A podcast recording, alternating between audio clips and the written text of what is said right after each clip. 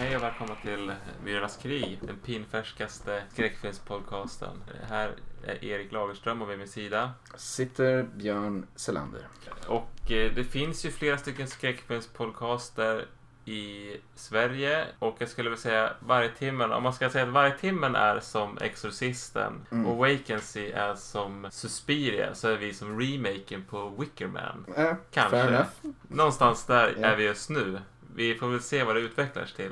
Och ehm, vi har känt varandra sedan, eh, ja, eh, sedan 2013. Vi jobbade ihop i Lycksele på sjukhuset där. Vi bodde tillsammans då när vi arbetade tillsammans i Lycksele och hittade varann i filmtittandet, tror jag. Ja, nu bor vi bara två i Umeå.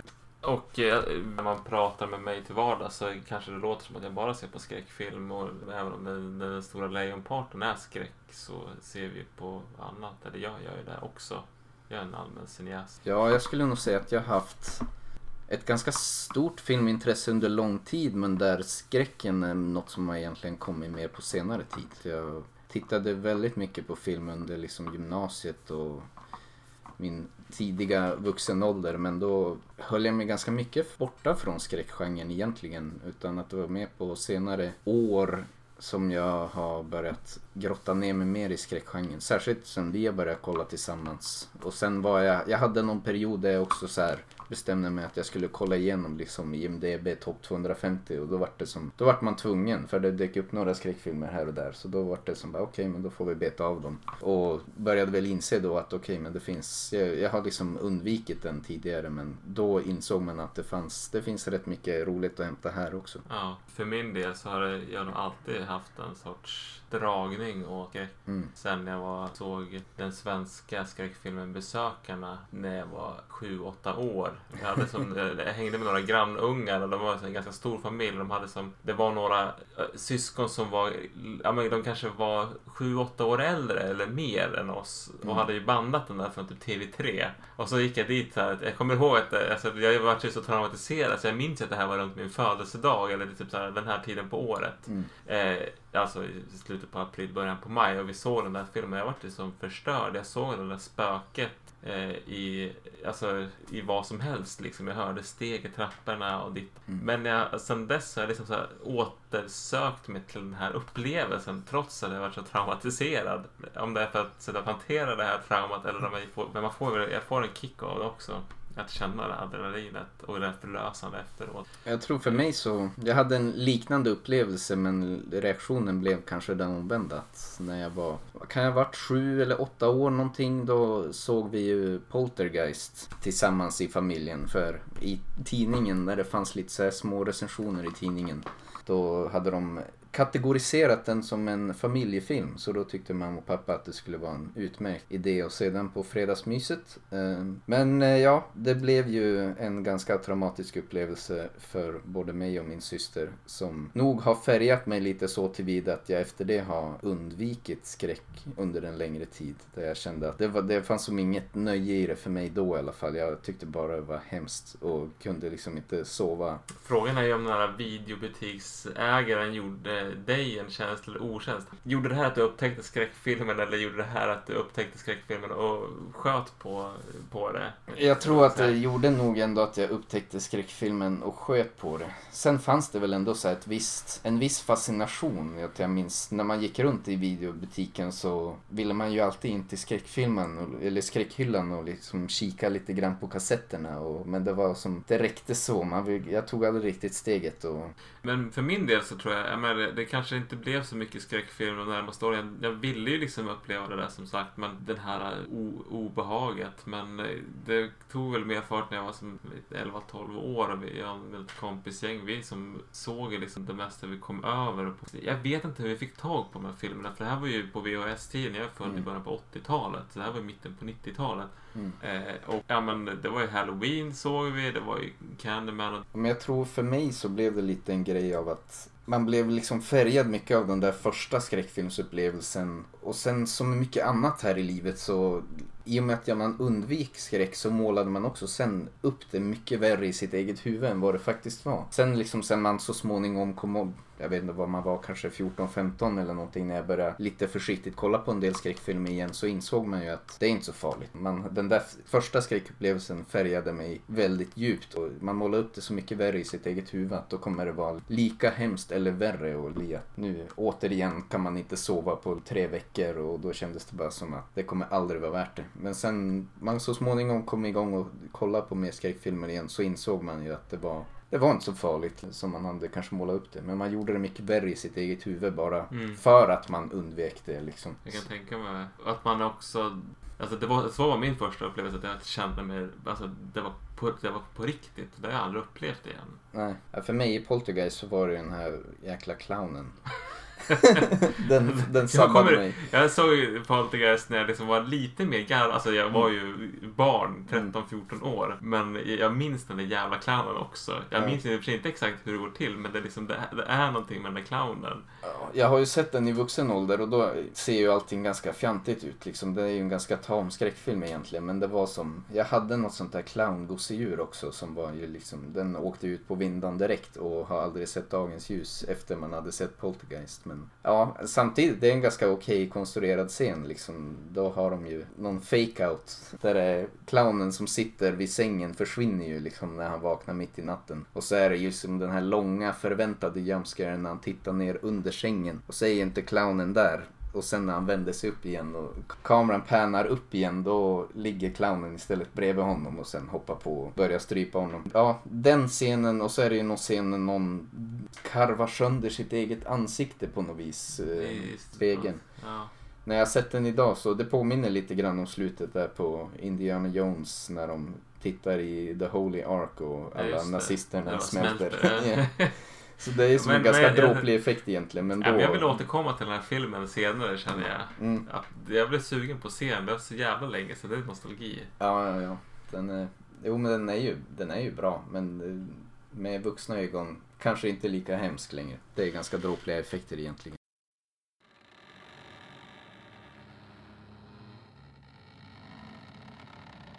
Ja, men det var då. Vi kanske ska inleda det här avsnittet med att prata eh, lite mer om filmer som vi har med först i minnet som vi har sett på senare tid. Ja, jag har haft några ganska bra veckor skräckfilmsmässigt. Vi var och såg på Ass på bio.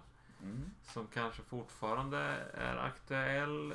Eller så har den redan gått ner. Vi kommer prata mer om den tror jag. Sen såg jag i helgen såg jag både opera och Profondo Rosso av Dario Argento. Som opera hade ju sina, den var väldigt bra eh, bitvis, väldigt löst ihopsatt. Så den, den eh, blandar högt och lågt skulle jag säga. Medan Profondo Rosso är en stark rekommendation. Den var jättetrevlig, giallo-film med bra musik. Och eh, står man ut med dubbningen och allt det där. Ja, men det, jag, jag tycker nog... Ja, det enda jag har sett är ju Suspiria och det var väl lite samma där. Alltså den eh, har aspekter av filmen som är väldigt bra och sen i alla fall med moderna ögon delar av filmen som känns väldigt knackigt på något vis. Vi pratade ju lite grann om det tidigare också att det, det kanske finns liksom konversioner i en del äldre era av film och lite beroende på vart man rör sig kulturellt där det är andra spelregler man måste bara vänja sig vid och acceptera för att kunna njuta fullt ut. Så jag var väl, hade väl gått in med kanske andra förväntningar när jag såg Suspiria som gjorde att jag blev ändå lite besviken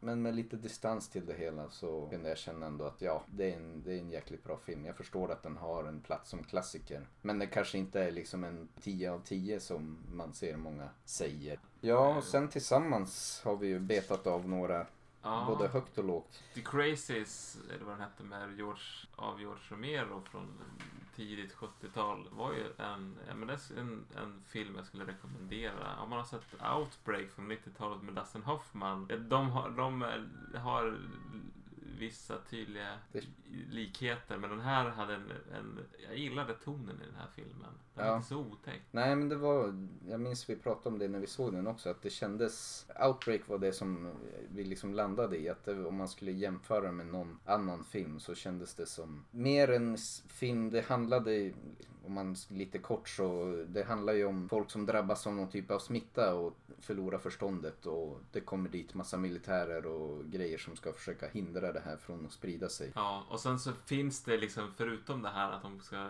försöka hindra det från att sprida sig, så finns det här hotet om att de ska typ sätta in kärnvapen och dö, wipa ut hela skiten. Mm. För den här smittan är så jävla farlig. Men det var, ja alltså mycket av filmen fokuserar ändå på de här personerna som är här och ska ha något sorts ansvar för att försöka sätta den här byn som har drabbats då i karantän. Fokus ligger liksom på dem och deras arbete och så tillvida påminner det men mycket om Outbreak. Där det, det är inte så många skräckscener utan det är mer bara olika militärer och, och personal som diskuterar med varann och försöker komma på en plan för att de ska få smittan och inte sprida sig. Och det var Ja. intressant, det var en bra film. Jag tyckte den Ja. var... ja, men det är som att den filmen är som att man får följa dels det här stabsdrama Mm. där de så här gapar i telefoner och de ska hålla på och koda upp sig för att det ska bli så här någon, det tyckte jag var väldigt roligt att de, så här, för att de ska kunna prata med någon myndighetsperson och få en order eller ge en order eller kommunicera någonting så måste man göra någon sorts kontroll och dubbelcheck och så får de vänta jättelänge och de blir så jäkla frustrerade och det går åt helvete med deras forskning liksom. Och ja, de bara gapar och det är kaos och det är så här klippt kaotiskt och sen helt plötsligt kommer det så stock footage på den här atombombsplanet. Dels den, det tycker jag är väldigt roligt att se och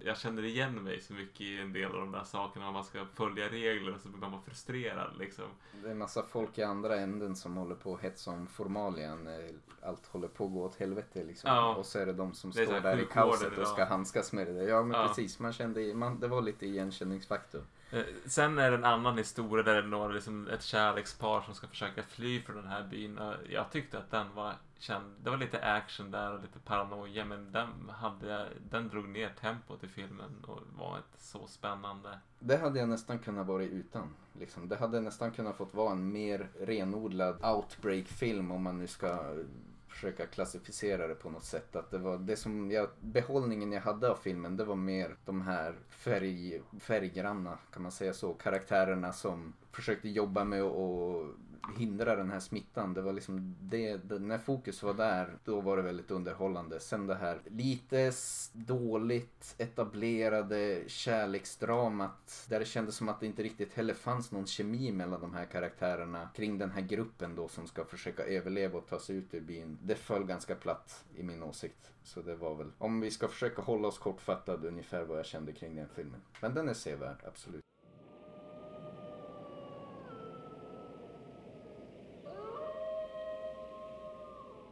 Samma kväll som vi såg The Crazy så såg vi en film som på svenska heter De bortglömda. Det är en delvis svensk produktion men den utspelar sig i Argentina.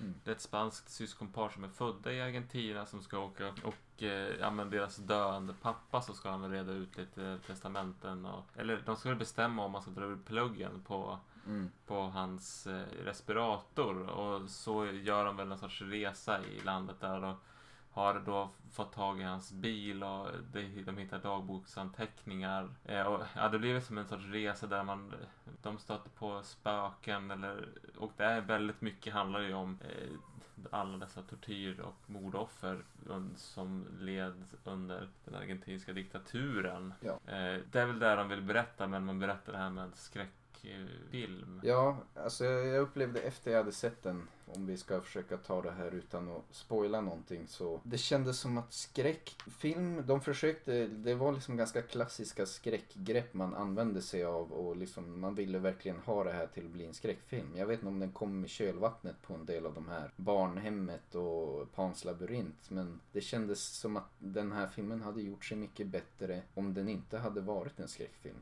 Det som var intressant och som Mer jag tyckte att ha ett drama men med skräckelement snarare ett, en skräck med lite dramaelement. Eller för min del gärna bara ett drama. Liksom den här historien som fanns i bakgrunden om militärdiktaturen Absolut. och en del av historien som jag själv inte har så mycket koll på. Det tyckte jag var intressant. Det fanns några scener, det är liksom skräcken i filmen återkopplad till Argentinas militärdiktatur och folk som kidnappades och torterades då som kommer väl tillbaks och hemsöker dem. Eh, och liksom den historien är viktig och intressant att berätta men det kändes som att skräckfilmsgenren kanske inte gjorde sig bäst för det eller att en film som Pans labyrint lyckas bättre i alla fall i att fånga dramat. Alltså det, skräcken man försöker introducera i den här filmen känns lite krystat och... Sen så funkar väl inte alla skådespelarna så bra i den här historien heller tycker jag. Hittar inte tonen för det ska bli, det blir varken roligt eller bra drama eller otäckt liksom.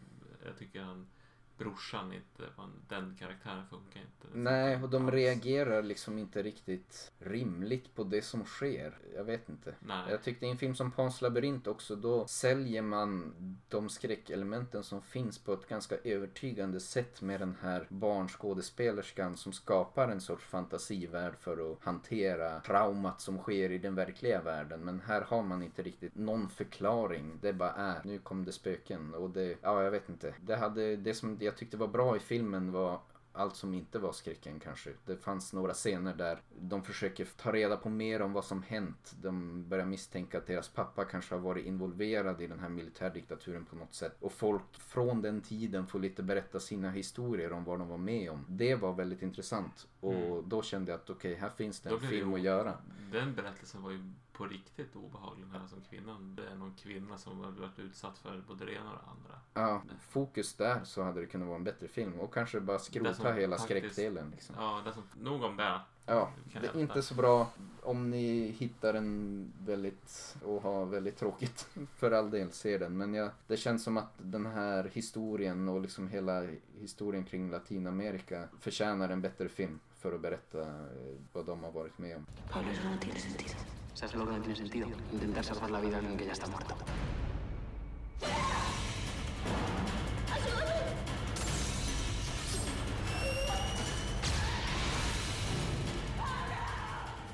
Ja, vi har haft en till filmkväll också då vi såg två andra filmer. Eh, vi såg eh, bland annat The Lost Coast Tapes och den eh, kan vi prata lite om. Det kanske finns anledning att återkomma det, till det i ett mer riktat avsnitt kring den här genren då när vi pratar om fun footage. För det här är ju en typisk fun footage-film. Synopsis är den dokumentärfilmare. Han har fått nys om att det finns en person som har lyckats hitta kvarlevorna efter Bigfoot. Mm. Eller en Bigfoot-individ. Och vill visa upp dem. Och nu ska han liksom filma det och så här ja, hans ingång är ju att men han, nu vill han göra en dokumentär där han men han vill motbevisa det här och dokumentera det och tycker att det här är en skitbra programidé så han tar med sig sina vänner och man får följa när de går och tittar på den här gubben som, ja, besöker den här gubben som eh, ska ha de här kvarlevorna.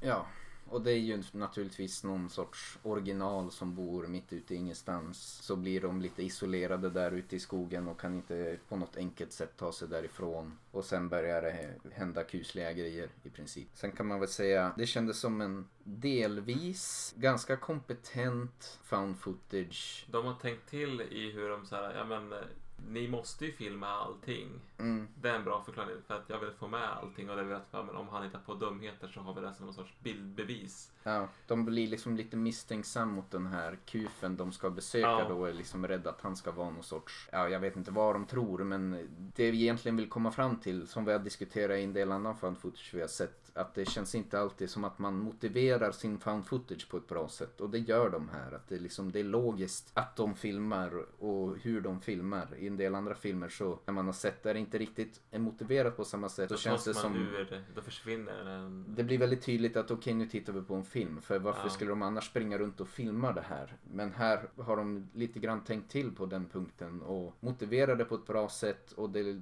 det funkar liksom. Och en del av de kus, kusliga aspekterna av filmerna är också kompetent genomförda. Och det känns som att den sticker ändå ut lite från annan found footage som gör den lite roligare att se i liksom skräckberättelsen. Den har flera matiga element som funkar. Den har jättelåga betyg på IMDB och den är nog mer för en inbiten found footage-fan Mm. Jag tyckte om den för att den hade en bra tempo och var ganska rolig. Det kändes som att de hade roligt när de spelade in den. Sen så fungerar karaktärerna kanske inte hundraprocentigt och dialogerna funkar inte så bra. Men jag, hade, jag tyckte att den var rolig att se. Sen tyckte jag Kufan var, ja men det var kul. Men ja. man måste vara en found footage. Det var väl liksom den tydliga kritiken som jag skulle lyfta fram. Känns som att eh, skådespeleriet är väldigt knackligt på något vis. Och mycket av dialogerna känns väldigt skriptade liksom. Det känns känns inte riktigt naturligt. De tog det i en tagning och var nöjda och sen så gjorde de inget mer. Ja, men lite så. Men det är liksom den, eh, med lite distans till den,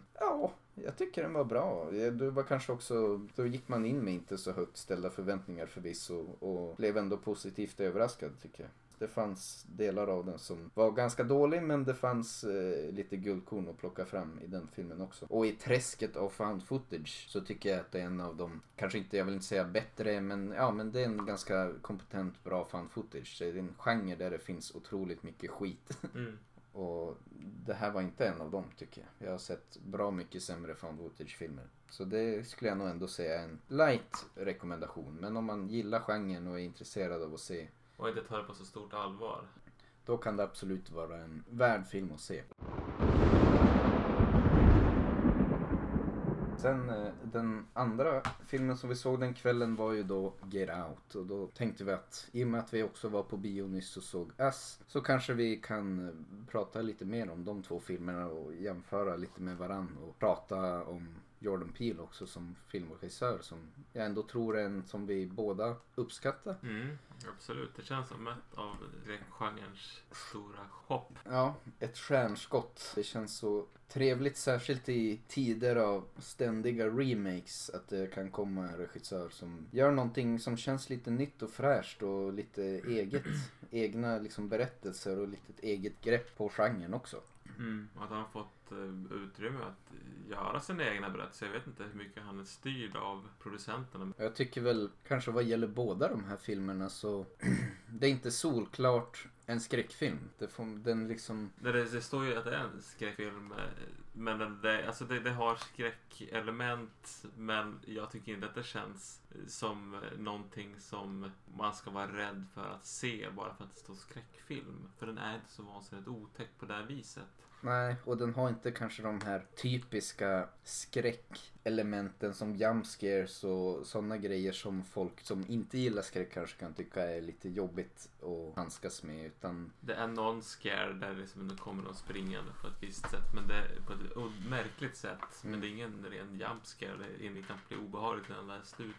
Nej, men det går som igen i båda filmerna att det känns mer som att man bygger upp ett obehag som genomsyrar liksom hela filmen. Men det är inte nödvändigtvis, särskilt om vi pratar om Get Out, så känns det inte som att det finns någon jättetydliga skräckscener så. Utan det är som att det bara finns den här Mystik, obehagskänslan och mystiken. Ja. Ett o, ja, men ett o, eh, Get Out så tror jag men det, som ett, det är ett hot som är väldigt abstrakt mm. väldigt länge. Mm. Det var väldigt intressant. Det var ju andra, jag såg ju Get Out också när den kom på bio. Jag tror vi såg den tillsammans faktiskt. Ja, det stämmer. Att, eh, när man såg den andra gången så var det lite mer saker man snappade upp också. Men ja, för de som eventuellt inte har sett det så kan vi ju kanske ändå innan vi grottar ner oss för mycket i detaljerna lite snabbt beta av egentligen vad filmen handlar om. Eh, kort och gott, eh, Chris Washington tror jag han heter. En afroamerikansk fotograf eh, ska följa med sin flickvän som han har varit ihop med ett halvår till, sin, ja, men till hennes föräldrar för första gången. De bor på landet, eh, är ganska väl situerade och eh, ja, men han introduceras för dem och det visar sig också att de råkade åka och hälsa på dem under någon sorts traditionell eh, återsamling med en massa vänner. Mm. Och eh, den ena socialt märkliga situationen efter den andra.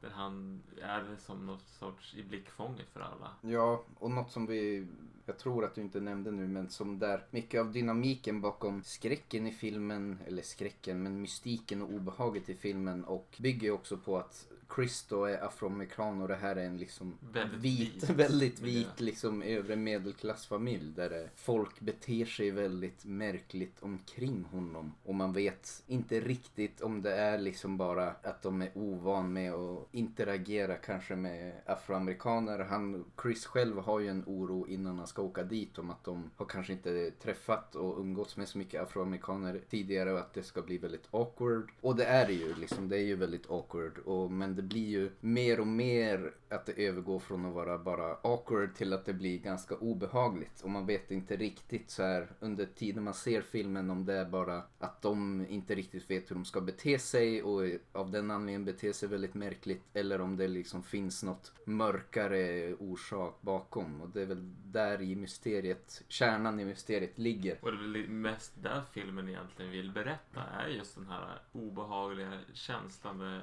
är att vara utsatt för det här som afroamerikan i en väldigt vit miljö. Väldigt vit miljö, ja. Och jag, jag tänkte det, jag, jag, och som vit svensk som aldrig riktigt har varit etniskt eller hudfärgsmässigt. Alltså jag har aldrig varit i minoritet. Jag är som Mm. vit man, medelålders nu dessutom, gubbe. Mm.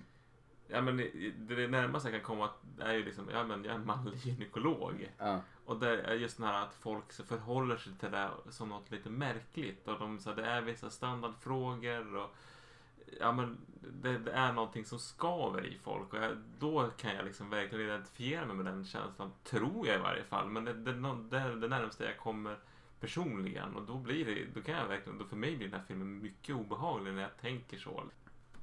Ja, och förutom det här liksom allmänt obekväma eller vad man ska säga, awkward som kan uppstå när två olika kanske kulturer eller subkulturer möts så finns det ju också i dynamiken här en historik att ta hänsyn till i hur afrikanerna behandlats i USA och egentligen kanske i väst i stort som bidrar tror jag till att skapa mycket av den här olustiga stämningen eller kanske det här olustiga olustiga situationen. Det är som att de, som är, de ska vara schyssta med den här afroamerikanska mannen och vara politiskt korrekta och icke-rasister och därför pratar de bara om hans ras ändå fast då i positiva termer. Ja, och det, ja men till exempel pappan i familjen som tjatar på om hur han hade röstat på Obama ytterligare en gång om man bara hade fått det och där det liksom blir, ja, väldigt, jag kan tänka mig, jag, kan, jag har inte liksom varit med om sådana situationer men jag kan tänka mig att det är en ganska vanlig försvarsmekanism när man liksom ska försöka tassa runt problematiken kring historiken som finns och problemen som fortfarande finns idag. En del av de här antagonismerna finns ju i viss mån kvar. Liksom. Det är ju tydligt. Det finns ju en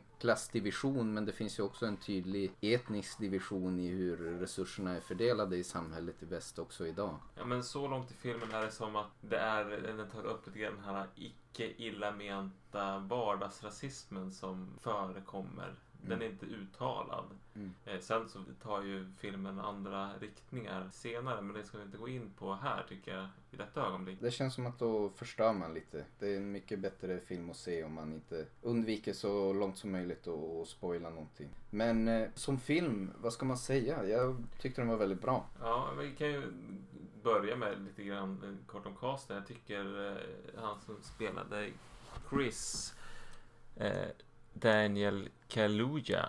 Jag har inte sett honom i så mycket annat. Han är med i något avsnitt i Black Mirror som eh, tydligen Jordan Peele är en stor fan och det var så han upptäckte det, eh, Daniel. Och Nu när du ser det tror jag faktiskt att jag har sett det i Black Mirror-avsittet. ja, Inte min favorit kanske. Visst är det den när de håller på och ska de cykla? Ja, de cyklar för att få energi. Ja. Eh, Men hur som helst, det här är en, en, han är född i England, Daniel Kaluuya, men hans föräldrar är från Uganda tror jag. Hur som helst, han funkar. Jag tycker han är klockren i huvudrollen. För han har här, han, hans blick är så, den är väldigt osäker. Han verkar så sårbar. Jag tycker han, han är, jag tycker han är, och sen så utvecklas ju karaktären. Han spelar Mm. ganska bra och utvecklas under filmens gång på ett bra sätt. Hans flickvän spelas av Alison Williams från Girls. Och hon tycker jag också fungerar i sin roll. ja, jag tycker väl hon är för mig inte så väldigt intressant och Nej, kanske det- inte så mycket i fokus Det är heller. inte meningen heller tycker Nej. jag. Det, jag tror det är det som gör att jag tycker om... Hon gör det hon ska göra Ja. på ett kompetent sätt. Sen har vi Bradley Whitford som spelar den här svärfar som är eh, neurokirurg. Ja men honom gillar jag. Han eh, lärde jag känna i West Wing och sen så har han en ganska bra roll i Cabin in the Woods. Ja, han är nästan en av mina, ja, en av favoriterna för mig i filmen. Jag tycker han fångar, han hittar, slår an precis liksom rätt nivå av awkwardness som inte är liksom over the top. Att det känns väldigt så här att, ja men så här skulle det nog kunna vara. Där han är liksom lite skapar mycket obekväma situationer på ett sätt som känns, ja men det känns ganska äkta. Jag vet Mm. inte. Jag tyckte han gjorde bra ifrån sig. Eh, Den som jag hade lite problem med i casten det är ju Caleb Landry Jones som spelar brorsan till Allisons karaktär. Och han, ja, men han är som en medicinstudent som... Han är väldigt mycket pojkspoling och känns väldigt rebellisk på något sätt. Och det är liksom, det blir vad det blir av honom senare. Ja, jag har, han pratar om MMA lite för mycket. Det känns som att det är Vålds- kanske här om någonting som Jordan Peele har skrivit en karaktär som man inte känner igen lika bra. Det, Jag tror alltså, först- skådisen är bra, Ja. tror jag. Det är liksom bara, är fel, det är bara det- over the top. Han ska ju vara någon sorts... Ja men det känns som att Jordan Peele har skrivit det här som man tänker det här är en typisk bortskämd vit ung vuxen på ett sätt som... jag, är, jag har ju lite erfarenhet i den. Inte för att jag är lik den karaktären på något sätt men det känns, man har stött på de här karaktärerna och det känns, det är väldigt överspelat allting. Eller så slänger man in den här karaktären för att man ska tro att han är den, en, någon som ska slå ihjäl Chris. Eller något, för han är, jag tycker att han är som väldigt fysiskt Ja, eh, sådär. Och de får tygla honom. Jag, jag vet inte men när han Caleb, han är med i jag har inte sett honom i så mycket men han är med i den här Four eh, Billboards Three Billboards. Three. ja, de, den där. Och där fungerar han mycket, mycket bättre. För han, där är han är den som äger rättigheten till de här eh, skyltarna, hyr ut eh, reklamplatsen. Och där, han är som bra pojkspoling där. ja. Ja. Eh, Eh, vad har vi, har vi mer? vi har ju Ka-. Catherine Keener som spelar eh, mamman till Allisons karaktär, svärmor alltså. Som är någon sorts eh, terapeut som håller på med hypnos och grejer och får folk att sluta röka och sånt där. Eh, ja men den funkar tycker jag. Hon Ja. spelar liksom känslan demokrat, eh, över medelklass. Ja men funkar ungefär lika bra som pappan fast pappan har en mycket större och Det känns som att hon i, i sin karaktär är väl kanske den som har lite mer fingertoppskänsla och försöker liksom Mm. styra konversationen i en mindre awkward riktning när pappan och den här svärsonen börjar spåra ur så är hon liksom den som försöker hon blir hon är väl kanske den mest inom citationstecken normala personen i familjen. Most. Åtminstone till- Ja, ja. Åtminstone till en början eh, i hur hon agerar. Mm. Men hon, hon funkar. Hon är bra. Sen har vi ju eh, som en sorts comic relief. Jag upplevde det mer första gången vi såg det, men han tullpolisen, nu har jag inte, han som spelar kompisen till Chris, eh, vad heter det, Lilrel Howry. Han är någon sorts tullpolis och eh, följer det här dramat på distans. Mm. Han funkar ju väldigt bra. Han är ju någon För sorts... att vara comic relief. Jo. Men det tar ju också lite grann udden av det otäcka. Men det, det funkar väldigt bra här. Det behövs lite comic relief. Det behövs lite comic relief. Han gör det jobbet bra. Han, han är väl Chris kompis i sammanhanget som Chris har berättat att han ska fara till den här familjen. Och han är väl lite så här konspiratoriskt lagd. Han kanske också sett mycket skräckfilmer och liksom tänker att nu ska han ut på vischan till några rednecks och det kommer spåra ur totalt. Ja men det var bra. Ja, jag märker liksom att Jordan Peele kan skriva komedi. Jag tycker han har väldigt bra timing och ja men det funkar. Det är liksom inte såna pruttskämt utan det är liksom Subtilt välskrivet. Det är fan, ja det är riktigt, riktigt bra egentligen.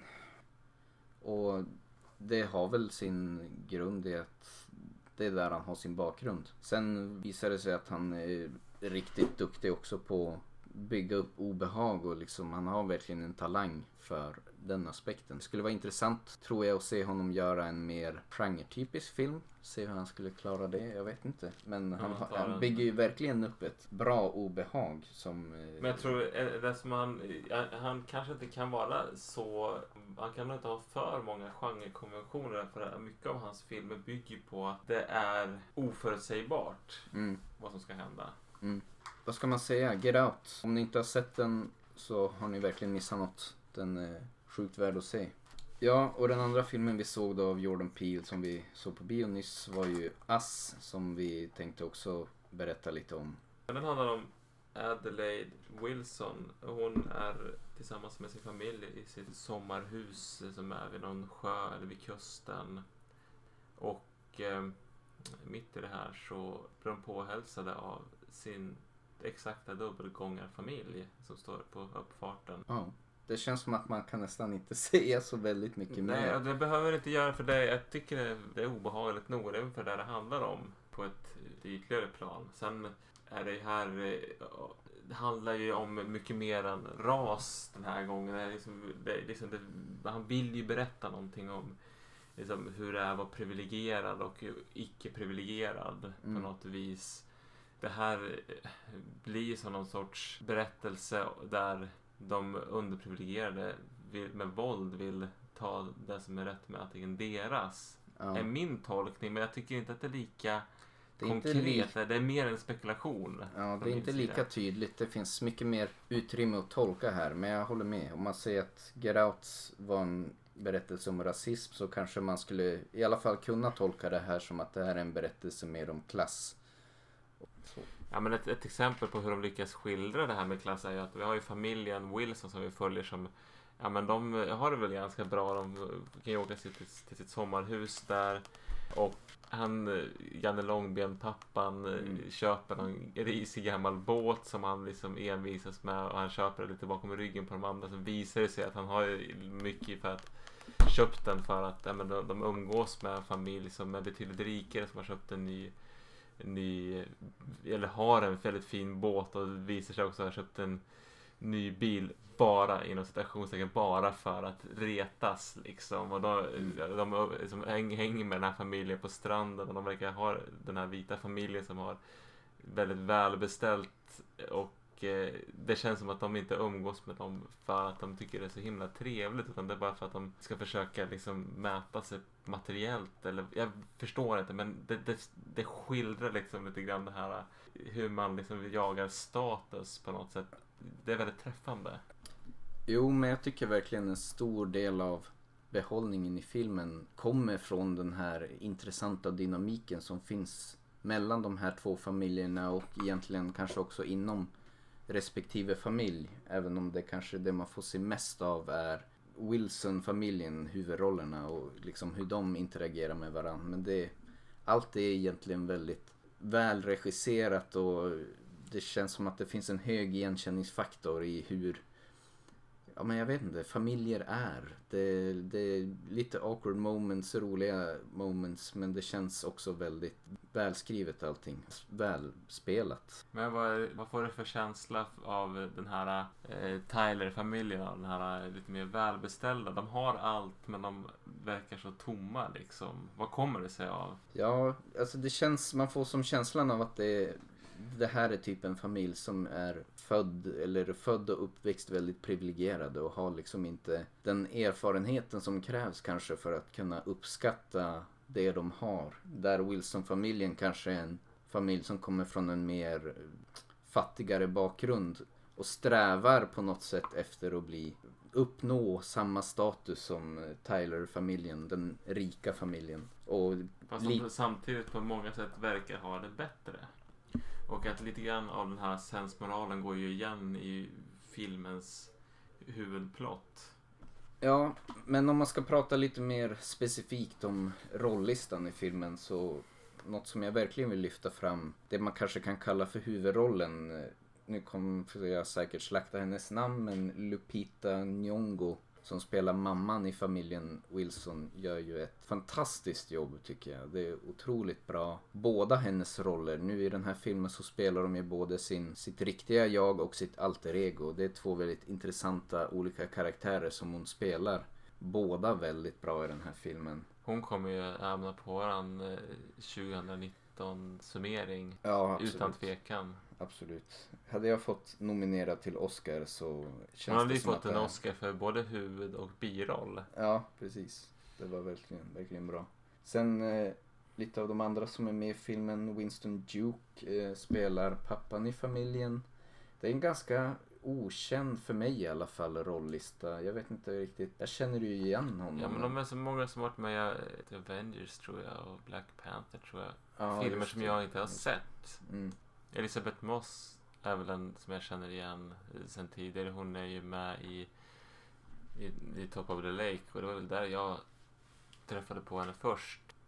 Ja, och det är många andra vi skulle kunna nämna här men jag tror att det räcker med att sammanfattningsvis säga att den här filmen har en väldigt stark cast och alla gör egentligen ett väldigt bra jobb. Men eh, vad känner du då kring Ass som skräckfilm? Det vi inte kanske riktigt har berört den. Nej, men, ja, men det slår ju, jag tycker den har ju en ganska skräcktypisk inledning. Man får ju följa hon eh, mamma Wilson som barn när hon är på nöjesfältet med sina föräldrar. Och det är liksom någon gång på 80-talet så förvirrar sig till någon sorts liksom, labyrint. Och den här, den här labyrinten är skräcktunnelaktig sak. Mm. På samma strand som man senare kommer vistas i filmen då. Mm. Men här i är det liksom en, en, det här är en ganska, jag tycker den fungerar som en ganska bra skräcksekvens. Jag tycker väl det går igen lite om man nu ska lyfta fram Get Out att det känns mycket av skräcken i filmen är bara att man bygger upp en det finns inte så här supertydliga jump scares och sådana scener men det är liksom man bygger upp ett obehag. Ja det är så här, hon är väldigt vilsen i en mörk labyrint av speglar och eh, spoiler spoiler hon springer på sin egen spegelbild som är en person. Ja, mamma Wilson blir ju någon form av typ expositionskaraktär i filmen för hon har den här historiken där hon tidigare under sin barndom har sprungit på sin dubbelgångare. Men har väl kanske också en viss ambivalens kring, hon var väldigt ung, är det bara något jag föreställt mig? Hon var ju inne i ett spegelhus också så att det var ju lätt för föräldrarna att kanske bortförklara det. Ja. Som att sen, bara har förirrat sig där och inbillat sig någonting. Men hon anar att det här är efter henne. Det är ju en del av fortsättningen. Att det liksom, ja, men, it haunts her. Det liksom, det är den här eh, upplevelsen och hon tror ju liksom i, i filmens inledning att men nu kommer det hända någonting. Och det är massa så här, eh, siffror som äh, återkopplar på saker som hände när hon var barn. Och det liksom det är som att hon kände på sig att snart står stjärnorna rätt för att något jäkligt dåligt ska hända. Mm. Och sen så står den här dubbelgångarfamiljen på deras uppfart. Och det tycker jag också är en väldigt bra sekvens när de står där. Och man ska först hota bort dem och den här sociala obekvämligheten som övergår till något jävligt konkret obehagligt hot. Ja, verkligen.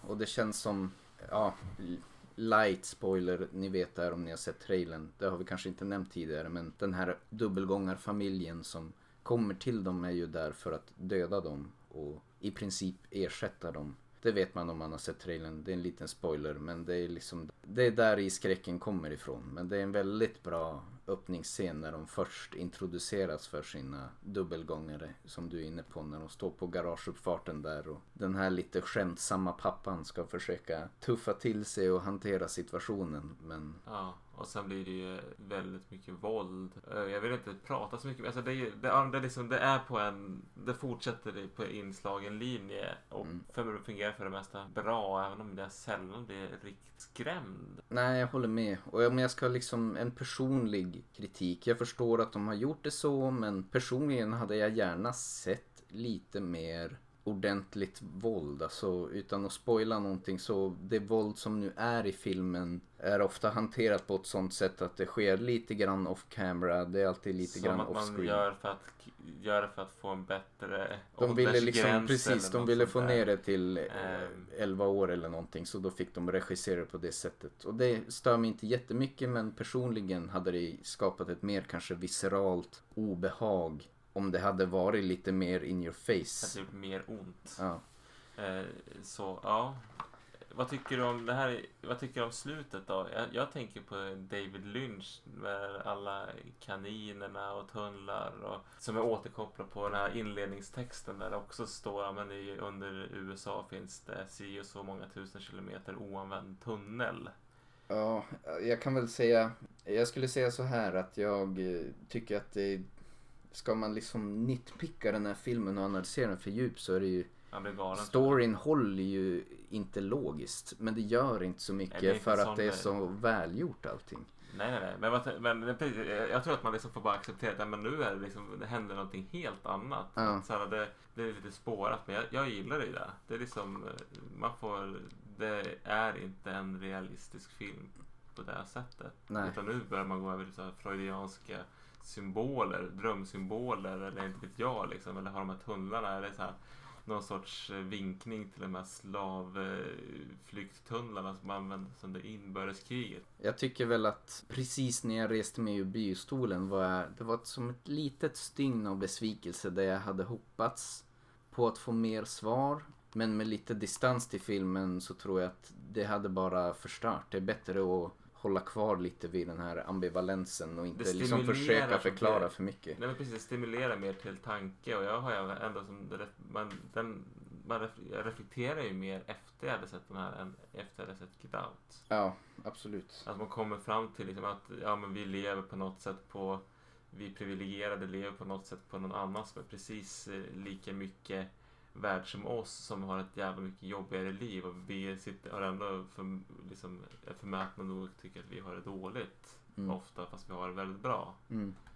Ja, men det kanske räcker så. Det går nog att analysera den här filmen till döds men vi vill inte spoila den för mycket nu. Vi kan nöja oss med att säga att det var en väldigt bra film. Har ni inte sett den, se den. Jordan Peele håller klassen även i den här filmen. Jag kommer se om den garanterat. Absolut. Och om man om du tittar på både Get Out och Us så tycker jag att det här, ja men dels den här uppenbara aspekten av att det här är en afroamerikansk filmskapare som gör film och inte skäms över att vara svart mm. i sitt filmskapande. Det, det tycker jag bara, bara en sån sak. Det är inte bara därför man ser filmerna de är jäkligt bra av sig själva utan den aspekten. Men det här ger en extra vinkel på det som är, jag tycker är positivt. Ja men absolut. absolut. Eh, om man nu ska prata om den aspekten. Eh, sen så tycker jag för skräckfilmsgenren så tror jag det här är två väldigt bra filmer för att det är nog någonting som kan få folk att bli intresserade för att man behöver, det är som det är off camera, det är inte så explicit våld vilket gör det kanske mindre obehagligt för den som inte har garvats. Jo, jag håller med. Det känns som filmer som passar en bredare publik. Men även inbitna skräckfilmsfantaster. För att det är ett nya grepp, det är lite nya idéer. Sen kanske man inte får den mest viscerala, obehagliga skräckupplevelsen. Men det är som filmer betraktat ändå väldigt bra filmer. Om man ska dra någon slags röd tråd. De är ändå storymässigt ganska annorlunda filmer från varann. Men det känns som den röda tråden som jag ser mellan Get Out och Us är väl att man plockar friktioner och antagonismer som egentligen redan existerar i vårt samhälle i stort och lite grann skruva till det och ställa det på sin spets på något det vis. Det blir som en, en sorts skräckkarikatyr. Mm. Och det provocerar en ju till att tänka liksom. Den ja. lyfter ju riktiga problem på ett intressant och väldigt underhållande sätt. Och det är kul att se att det har fått så brett genomslag som det har fått. Jag ser fram emot att se vad han kommer att göra i framtiden. Sen så har jag en, en tanke som slog mig efter att vi såg Ass och det var ju liksom bara han inte blir lite M. Night Shyamalan. Alltså det här är inte filmer som liknar det här så mycket men han gjorde Sjätte sinnet som var en kanonfilm och han har säkert gjort fler filmer som är bra men det, till slut hamnade det något sorts att det förväntades när man gick och såg en M. Night-film att nu ska vi försöka lista ut hur knorren är. Ja, det finns en, alltid en risk med en sån distinkt filmskapare att de till slut blir någon sorts karikatyr av sig själv nästan. Ja, och eh, det, det är den enda risken jag kan se med Jordan Peele, att han liksom fastnar i det här att ja, men jag måste knorra till det på just det här sättet för det är det som har sålt biljetter och det är det som jag får göra för att man vet att det har funkat. Liksom. Men det, det här är ju bara en spaning. I find that the African American experience for me has been, for the most part, very good. Although I find it difficult to go into detail as I haven't had much desire to leave the house in a while. We've become such homebodies. Yes, yes, yes, but even when you go into the city, I've just had no interest. The chores have become my sanctuary.